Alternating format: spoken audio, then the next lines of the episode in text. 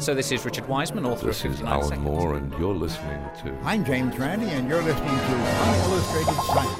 Så du, du leker jo Nei, du leker ikke Gud. Kan eh, kurere kreft om fem år. For meg så er vel det her like nyttig som homopati. Dødsannonsen. Forskningsnytt. Altså, jeg kan ikke lage en hårete planet. Nei, nei. Uillustrert vitenskap.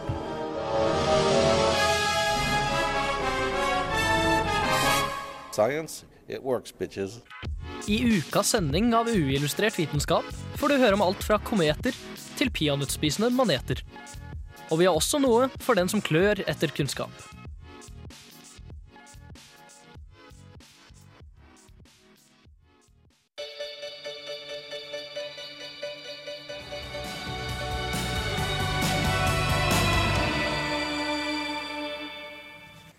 Hei, hei, hei. I dag er det jeg som er eh, programleder. Øyvind er mitt navn. Og vi har som alltid fullt eh, oppmøte. Vi har jo en god kombo gående her. Og vi har jo Hogne Hallo. og Gaute, ikke minst. Hallo, hallo. Så må vi så klart ikke glemme Agnes. Hei, hei. Og så kan vi jo til slutt nevne at vi har en eh, tekniker ved navn Kavila. Yay. Men nei, jeg har vel egentlig ikke så mye mer spennende å si, har vi vel? Jeg lurer på om vi ikke bare kjører videre med Warpaint med Feeling All Right. Før eh, jeg har laget en liten reportasje som vi kan ta.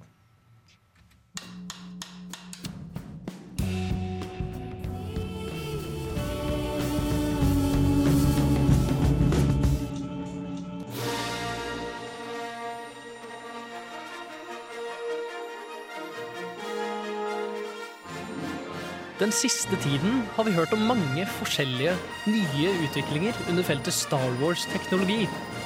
Her finner vi annet med en klype salt, altså beskyttende kraftfelt, intelligente roboter, bioniske proteser og ikke minst lasersverd. Men nå er vel du litt snurt over at ingen har tatt seg bryet med å lage flyvende motorsykler enda. I så fall er det jo ordentlig kjekt å være deg, for nå har også det blitt gjort.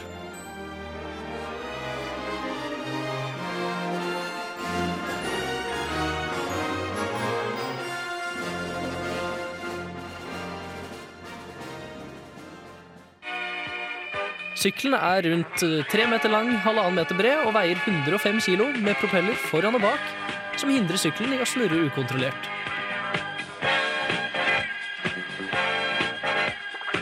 Beregninger sier at kjøretøyet, som faller under kategorien småfly, kan komme opp i en høyde av 3 km over bakken med en toppfart på 280 km i timen.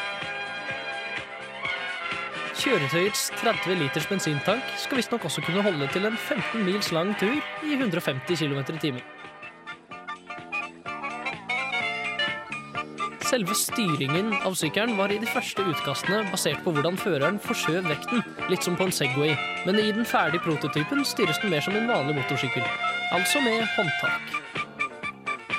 Det er også planlagt at kjøretøy skal, akkurat som en Segway, reguleres av et sett gyroskopsensorer koblet til en mikrokontroller for å hindre føreren i f.eks. å tippe over.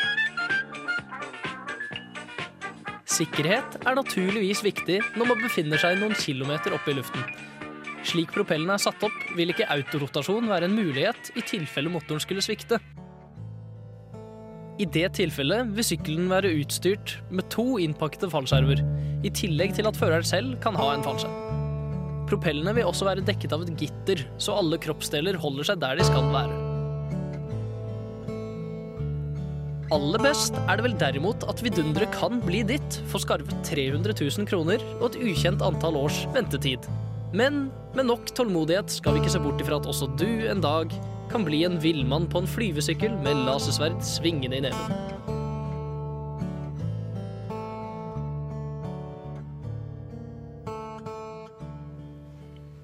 Yes, det var min eh, reportasje om eh, flyvesykler. Ja. Spennende saker, det er det ikke? Når kommer disse her, eh, eller når blir disse kommersielt solgt? Når kan jeg kjøpe min? Nei, du har, du har lov til å bestille den nå, hvis du har eh, Hva er det de sier da? Det er vel 40 000 dollar eller noe eh, oppi der, eh, hvis du har det i lomma. Eh, men selv om du skulle bestille den, så tar det en stund før du faktisk får den. Fordi han som driver og utvikler her, en eller annen New Zealander eller australier eller noe sånt, han, han trenger fortsatt litt mer penger. For så langt Ja. har han tatt alle fra sin egen lomme, men det er ikke så mye penger. Sånn 40 000 dollar høres jo ikke ut så, så ille ut. Det er jo sånn, jeg droppet å kjøpe en bil, jeg kjøpte heller en flyvesykkel. Ja, det, det er jo, Sånn sett så er det ikke så mye, men du trenger også småflysertifikat. Ja. Og Ja. det er jo heller ikke så billig, akkurat.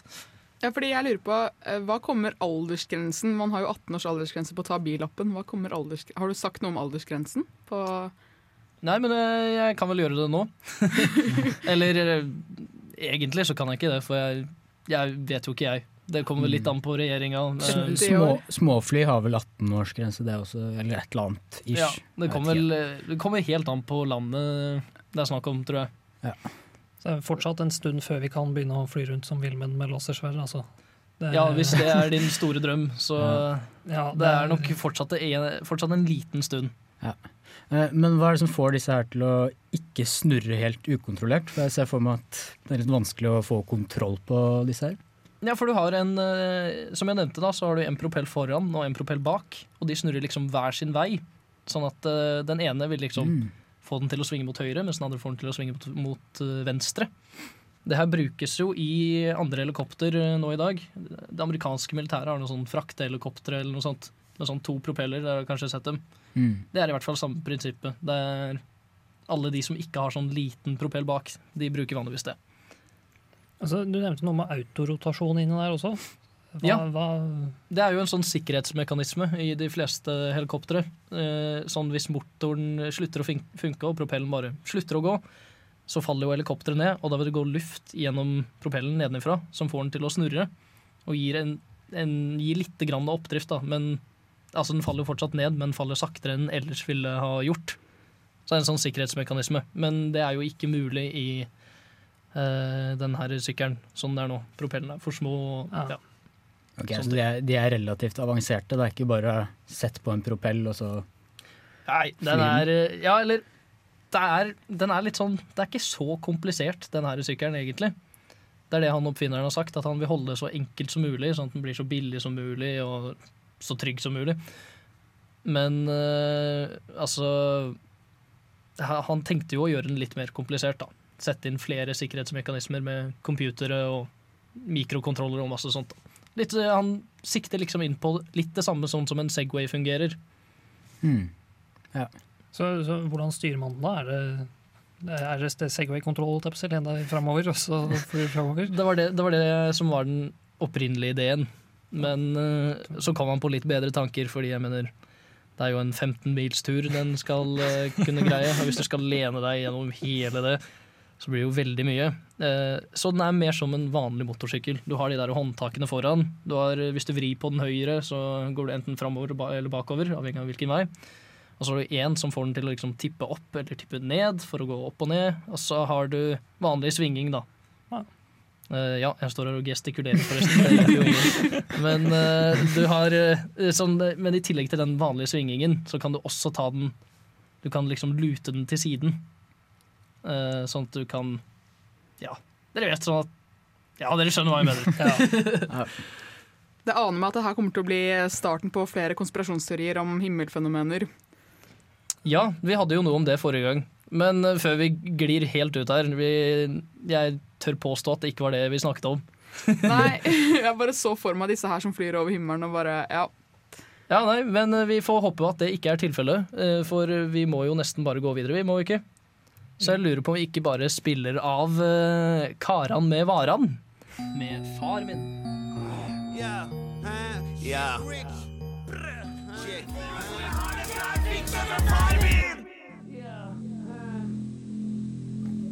Universet. En uendelighet av stjerner og planeter. Ingen vet hvor gammelt eller hvor stort det er.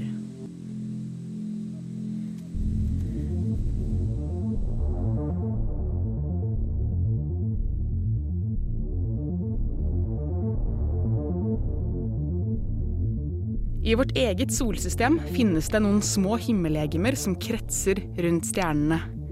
De er kometer. En komet oppdages først som en diffus, tåkete flekk på himmelen. Og tidligere trodde man at kometer varslet ulykker. Er du redd? Ja, litt. Men jeg vil gjerne vite litt mer om kometa. Ok, da fortsetter vi litt til.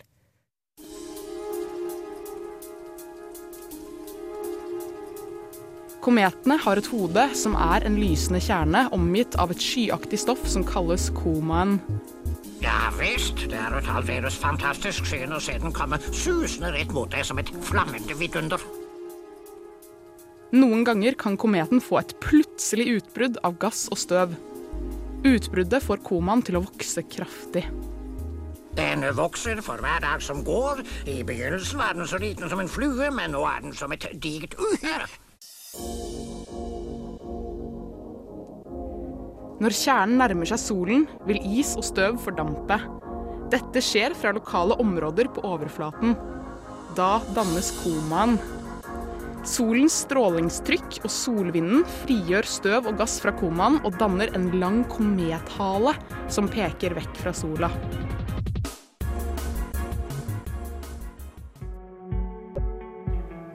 Kometen går i en bane som både er i det indre solsystemet og i det ytre solsystemet. Og det er når kometen nærmer seg det indre solsystemet at komaen og komethalen oppstår, og vi kan se kometen med det blotte øyet. It is coming! It is, it is coming!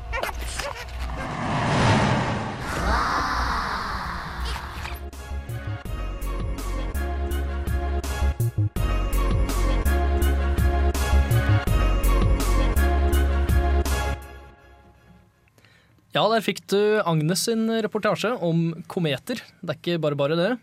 Nei, eh, og det som er med kometer, er at eh, for det første da, så er det, hvis du skal prøve å lage en reportasje om kometer, så er det så utrolig mye å velge mellom. For det er så mye spennende forskning akkurat nå om eh, kometer.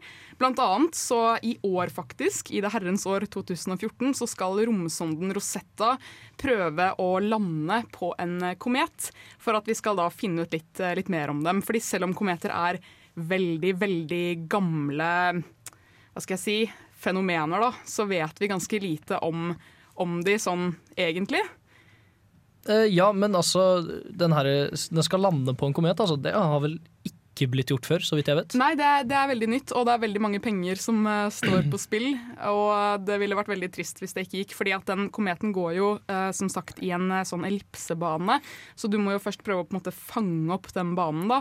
Og siden kometen er Den har jo ganske lav um, hva skal jeg si, gravitasjon fordi den er så liten. Mm. Så de må jo da prøve å bore seg fast i den da, for å, for å få bli på den, så de ikke bare flyr av gårde. Wee. Men Hva er det de har lyst til å finne ut ved å lande der? Eh, det man tror, da, er jo at kometer kanskje er opphavet til vannet vi har på jorda. Blant annet av flere ting, så er det et spørsmål som han har lurt på en liten stund. Da, så det kan jo være spennende å finne ut av det. Men uh, hvis, uh, hvis, de tror at det er opphavet til vannet på jorda, hva er det består av da? Er det is, eller hva er greia? Ja, um, fordi kometen består av altså Innerst så har de en kjerne med mer eller mindre faste partikler uh, og is. Og rundt denne kjernen så svever det en, en større sky da, av små ispartikler og fint støv og tørris, som da er frossent CO2. Og det er bl.a. denne skyen som gjør at, at, kometen blir synlig på natthimmelen, da, hvis den er på riktig sted, vel å merke. Mm. Og så kan jeg også nevne litt om uh, en komet som kalles for 17P Holms. som er, Dette her er Oi, veldig fantastisk. Det er veldig spennende navn alltid. ja, det, det, er, for den er veldig, det, jeg syns det er veldig fantastisk at den heter Holms. da, fordi at I 2007 så hadde den et uh, utbrudd og kort tid etter utbruddet så hadde kometen en atmosfære, altså en koma, som var større enn sola. Og Oi. det er ganske sykt. Og selv om dette mm. høres veldig voldsomt ut, så hadde jo kometen nesten ikke noe masse. da, som Hvis den hadde hatt massen til sola, så ville det skapt veldig mye problemer for solsystemet. Så vi snakker jo om et par snøfnugg da, per kubikkmeter omtrent. Så veldig sånn veldig lav, nesten ikke-eksisterende masse. Men fortsatt veldig veldig mye mer enn det det er generelt i universet. Ja, veldig, den, den, ble jo veldig stor, da. Og ja. den sluttet jo heller aldri å vokse. Eh, og ifølge en uh, syv år gammel artikkel som jeg så i stad, så var det De tror at det var fordi at kjernen, som da er innerst, uh, lekket ut partikler da, til den voksne skyen, så den bare aldri sluttet å vokse. Og hva som har skjedd med Holmes, jeg, det vet jeg dessverre ikke. Men det hadde vært veldig spennende om den fortsatt var i vekst, da, eller om den døde. Kometer kan jo dø. Men du sa utbrudd. Hva Kometen hadde utbrudd, hva Ja. mener du med det? Eh, et, en komet kan få eh, et utbrudd da, av eh, gass og, og støv, som da ja, jeg lurer på om, jeg, jeg kan dessverre ikke så veldig mye om akkurat det. Jeg lurer på om det er fordi at når den kommer til sola, da, så kan det bli oppvarmet så mye at det fordamper veldig fort og får et utbrudd. Hm, ja, det høres ikke helt borti natta ut, det. Ja, jeg, jeg, jeg må bare få spørre om en ting som jeg føler at jeg, at jeg har søkt opp så mange ganger og aldri klarer å huske. Eh, Hva er egentlig forskjellen på det med meteor og komet og asteroide og, og alle de der? Det tar Hogne. Nei, Agnes. Ja. Han er Eh, ekspert på akkurat dette. Det, det er det du studerer på datateknikk, er det ikke? jo Han har trent på dette hele Data, livet. Meteorer og datamaskiner er det ja, hovedfeltet. Nei, ehm, eh, ja, som sagt, meteorer er jo da isklumper, som vi nevnte. Var ikke det kometer? Eh, jo, kometer, men jeg. nå Ja. blander jeg det med en gang. Kome Ja, kometer, er, kometer er isklumper. Men så har du da meteor, meteorid, meteoride og meteoritt.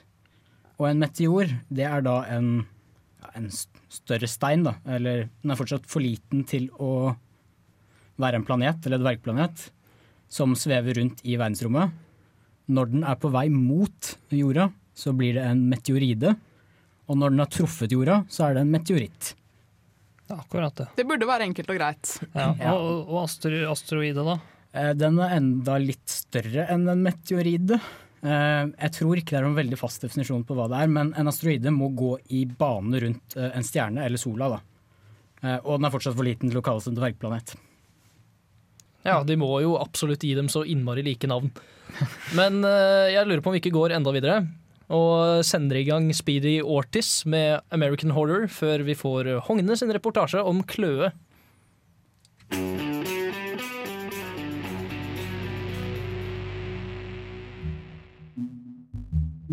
Kløe er en veldig universell følelse vi alle får iblant, og det kan komme av mange årsaker.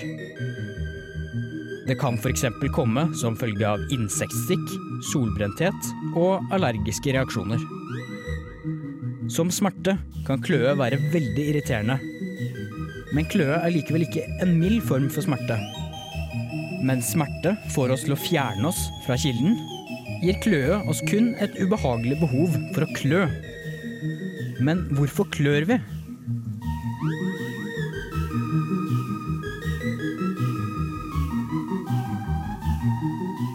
Kløe er en veldig kompleks prosess som forskere ikke har helt forstått seg på. Men vi kan kanskje finne svaret ved å se på andre dyr. Svært mange dyr bruker kløe som en forsvarsmekanisme mot insekter og parasitter som kan gi infeksjoner. Kløe er da et utmerket signal til hjernen som får dem til å fjerne insektet. Det samme har også vært gjeldende for oss mennesker gjennom tusener av år, og da kan det kanskje ha vært en evolusjonsmessig fordel for oss å føle kløe.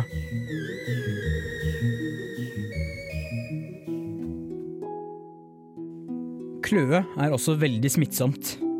Om vi ser andre klør, utvikler hjernen vår kløe ut av ingenting.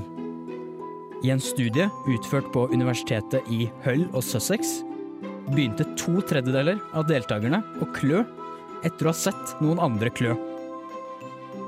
Man trenger faktisk ikke gjøre annet enn å tenke på kløe for å begynne å klø. Og du har kanskje også følt behov for å klø mens du har hørt på denne to minutters lange reportasjen.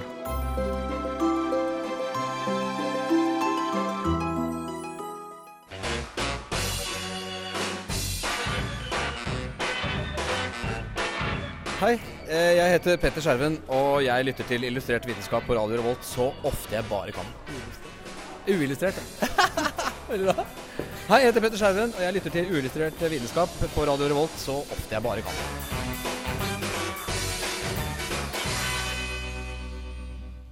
Yes, der fikk du Hogne sin reportasje om eh, Kløe. Ja, jeg kjenner det klør litt grann her, holdt jeg på å si. Ja, jeg håper det. Um, eller ja. Nei, um, ja, en gang til. Hva snakket du.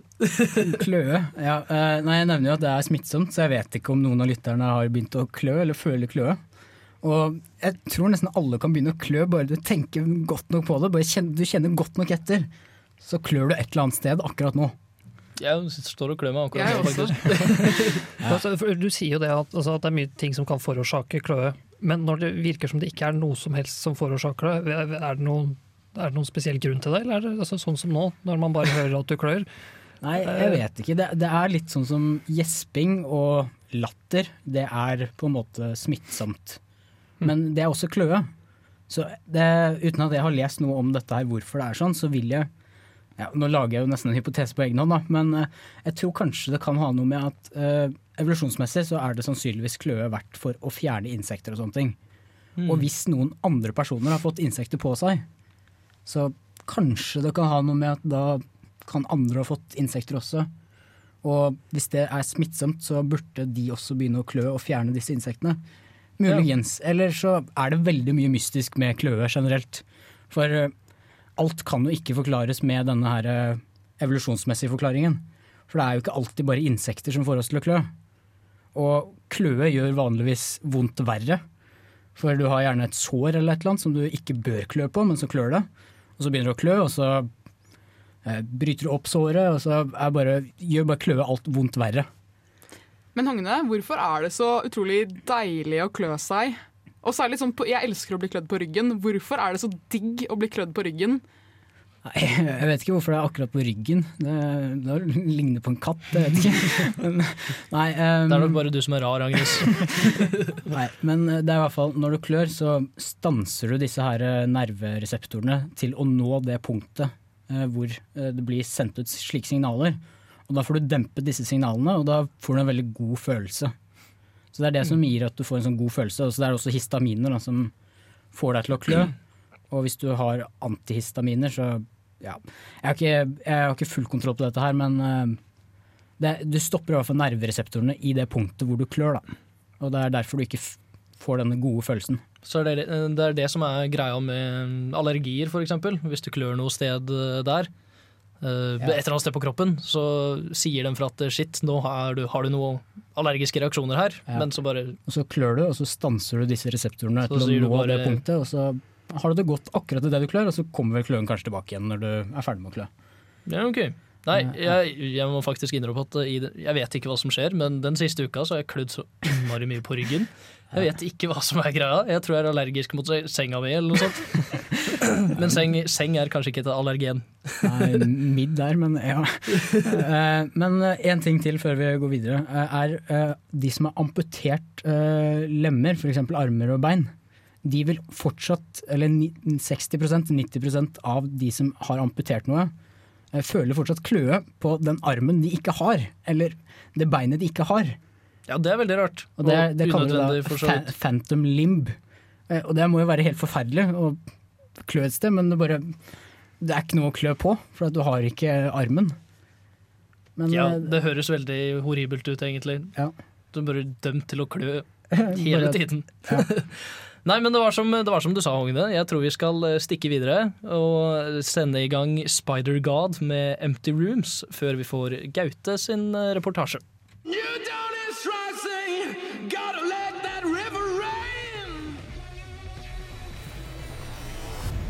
Science is all around us. In a world where everything is about to change, you will believe in miracles. Be prepared. It's peanut butter jelly time! Peanut butter jelly time! Peanut butter jelly time! Ved Dallas Zoo and Children's Aquarium har det blitt gjort et artig og overraskende vellykket forsøk. De har laget Peanut butter jellyfish. Ja, du hørte riktig. Peanut butter jellyfish. De har fostret opp glassmaneter på det man kan kalle en alternativ diett, bestående av proteinrikt peanøttsmør uten tilsetningsstoffer, blandet ut i saltvann.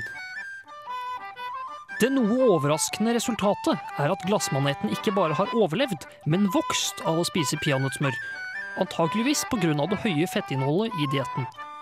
I tillegg ble det observert at glassmanetene fikk en svak brunfarge etter å ha spist.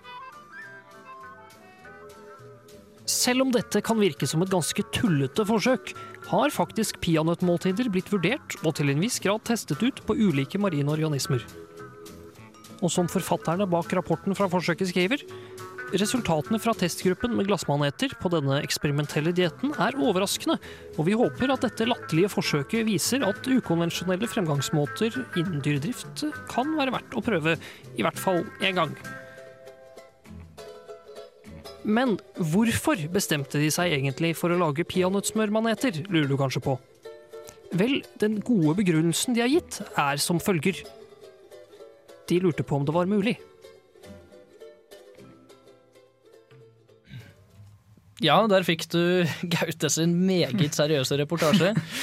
Dette er vel eh, ja. altså hva er det egentlig om? Jeg tror vi kan kalle det at dette er en av de, de største eh, ikke-nyhetene innenfor vitenskapen denne uka her, altså. Det, det er jo helt fantastisk at det var noen som bestemte seg for å ja, bare for å, for å ha, lage en forskning av et dårlig ordspill på, på dette her eh, peanut butter and jelly sandwich, eh, som er veldig populært i USA. Da rett og slett ta da også ja, fòre opp glassmaneter på peanøttsmør. Men det får jo publisitet Ja, av, det det. av blant annet dette programmet her. Ja, Så det, det funker jo. Det funker, eh, absolutt. Men likevel, altså kall meg gjerne dum, men jeg har et lite spørsmål. Altså, hvorfor huleste, heiteste skulle gjøre det her? Ja, nei, altså det er, de- er faktisk ganske åpne på det. At, at, at de, de veldig gjerne liksom skulle, skulle ønske at de kunne liksom si at de har en, en nobel sak å kjempe for, eller noe sånt. og At dette er, liksom, dette er viktig. Men, men nei, som de sier, det er, de ville jo egentlig bare se om det var mulig å gjøre det. Og det, det var det. Ja, nei, Det er jo noe man kan respektere, det. Men er det andre ting som ville ha fungert bedre å gi dem, eller må det baseres på ordspill? Eh, ja, altså Man kan jo si at det er jo ikke det som er det, de vanligvis spiser. Det er, det er ikke sånn at eh, glassmanetene hopper opp av fra vannet for å stjele peanøttsmør fra butikkene. vanligvis. Nei, det er ikke noe sjøpeanøtter eller noe sånt? Nei, eh, det er vel å, Hva er det det heter for noe på, på norsk? Eh, sånn sea monkeys eller noe sånt. noe. Det er sånne små, sånn bitte små greier eh, som de lever av. Altså, du skjønner jo at en glassmanet ikke kan spise stort. Så Mm. Ja. Ja, for de består jo nesten bare av vann, så jeg ser jo for meg Du sa de fikk en liten brunfarge. Ja. Men jeg ser liksom for meg uansett hva de hadde spist, så hadde de fått den fargen av det de hadde spist. For Ja. de er nesten bare vann og er gjennomsiktige fra før av. ja, de er vann og gjennomsiktige, eh, med unntak av da de fire lilla ringene, eh, som er ganske tydelige på det. da. Som er, eh, er kjønns, kjønnsorganene. Og så er de jo runde, så betyr det at du kunne ha laget et trafikklys av dem? Ja, Det hadde vært veldig morsomt. Er det neste trinn? liksom Opp fra sandwich-ordspill til en sånn, du har en sånn firkanta blokk i stua, eller noe sånt, og så tar du og putter på tre eh, glassmaneter liksom i lag oppover, og så gir du tilsvarende mat. Ja. Så får du kjempefint trafikklys. Ja, det, det hadde jo vært morsomt, det. Så jeg føler absolutt at de burde prøvd det ut. Ja, men eh, fra spøk til halvår da. Eh, hvor mye større var det de egentlig ble? For du sa at de faktisk ble større enn vanlig. Eh, ja, eller det de sier er at de, de vokser. jeg har fått et sted hvor det, har jeg lest at de, at de vokste og ble større enn de pleide, og et sted har jeg bare sett at de faktisk vokste. Så det som står er vel at det er at gjennomsnittsstørrelsen vokste med 4,70 15 pluss-minus én eh, millimeter. Så det er liksom pluss fire, tre til fem millimeter de vokste eh, i løpet av den perioden de holdt på. da. Så ja, Eller et, etter åtte dager, faktisk. Så det er jo en ganske rask vekst, i og med, ja, sånn, med tanke på at det er peanøttsmør de spiser. er det noe de har tenkt å gå videre med dette her, eller er det bare nå har vi fått litt publisitet, så nå skal vi gå bort til det tilbake til det, de seriøse tingene igjen? Det ble jo så vidt nevnt at de, at de håpet å få sette, satt i gang med en runde to. Um, men jeg vet ikke helt hva som er poenget med det. For å få bekreftet det enda mer, liksom? Eller for å prøve ut noe, prøve ut noe annet? Dobbeltsjekke, se at det ikke var, bare var feil. At de glassmanettene som de brukte første gang, bare prøvde å lure dem å si ha-ha, vi later som vi kan overleve på peanøttsmør. Ja, sjekke om det funker med syltetøy også. Ja. Jelly Jelly hadde jo vært det. Eh, Jelly jam. Jelly jam. Nei, nå må dere skjerpe dere her. Jeg tror vi skal ta og stikke videre. For jeg fikk helt sabla lyst til å høre på litt St. Vincent med Digital Witness. Før vi kjører på med litt eh, forskningsnytt, eller hva sier dere? Det høres ut som en god idé.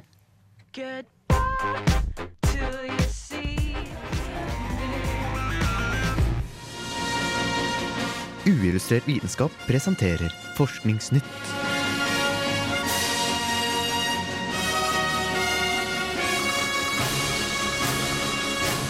Forskningsnytt. Ja, det er eh, helt sant det. Det er tid for Forskningsnytt.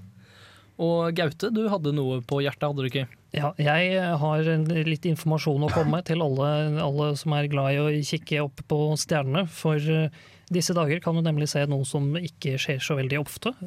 Eller i hvert fall som ikke som er synlig så veldig ofte, er vel mer riktig å si. Eh, For det er nemlig en supernova som eh, er i full gang, og som man kan se med, bare med en kikkert. Wow.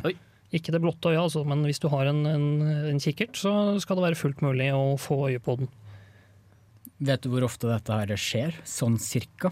Ja, eller altså dette her, Det som er litt stort med dette, her er at det er den største eh, Altså den mest lyssterke supernovaen eh, på 21 år.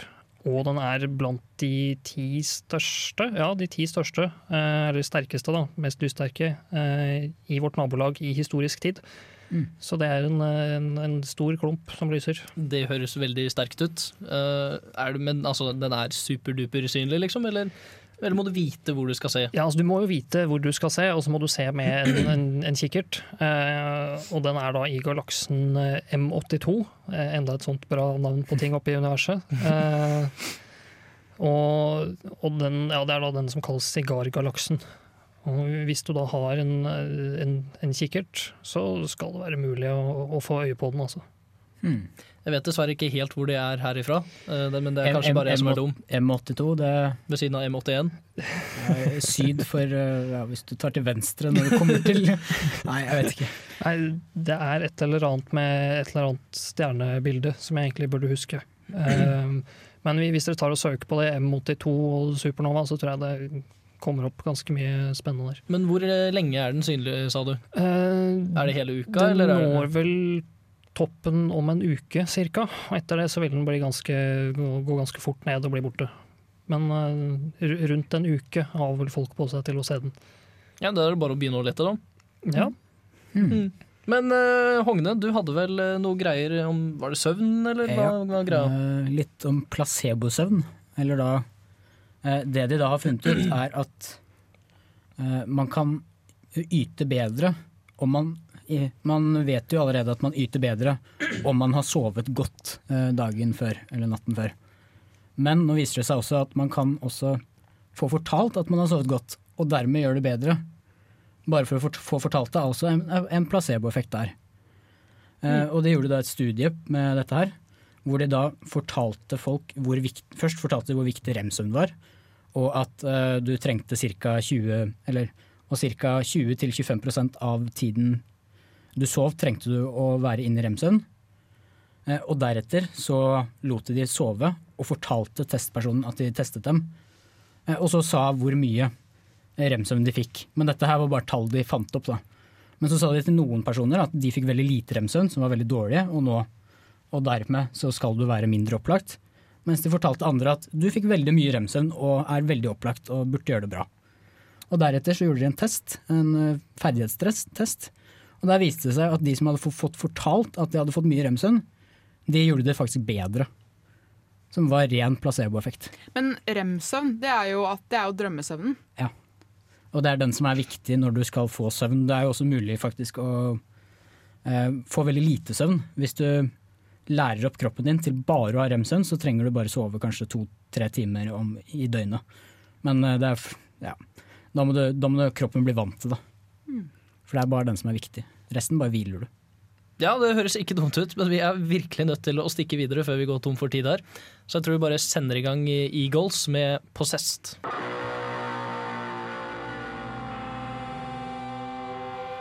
Ja, det var vel eh, strengt talt programmet for denne gang, var det ikke? Jeg kan jo legge til at eh, ja, jeg har vært, eh, og er fortsatt, Øyvind. Og vi har jo Hogne. Ha det, ha det. Meget bra kommentar. Gaute. Og så har vi jo Agnes i tillegg. Med pirathatt. Ja, med pirathatt. Den skulle vi veldig gjerne ha fått vist fram, men det blir litt vanskelig. Dessverre er vi radio. Ja, men eh, vi får klare oss med det vi har. Uh, jeg kan jo Ja, hva skal man si? Uh, vi har Facebook-konto. Det må vi Ja, ikke glemme. Det, Det er ikke veldig stor aktivitet der, men du kan jo håpe på et, en kul sak i ny og ne som blir lagt ut der. Ja, altså det er som jeg sier, Hvis du sier hei, så får du sannsynligvis hei tilbake. Ungene elsker å sitte på lørdagskvelden og skrive litt der. Men uh, tekniker har vært eh, Camilla. Og uh, ha en fin dag videre. Det er alt jeg har å si. Ha det godt. Ha det godt.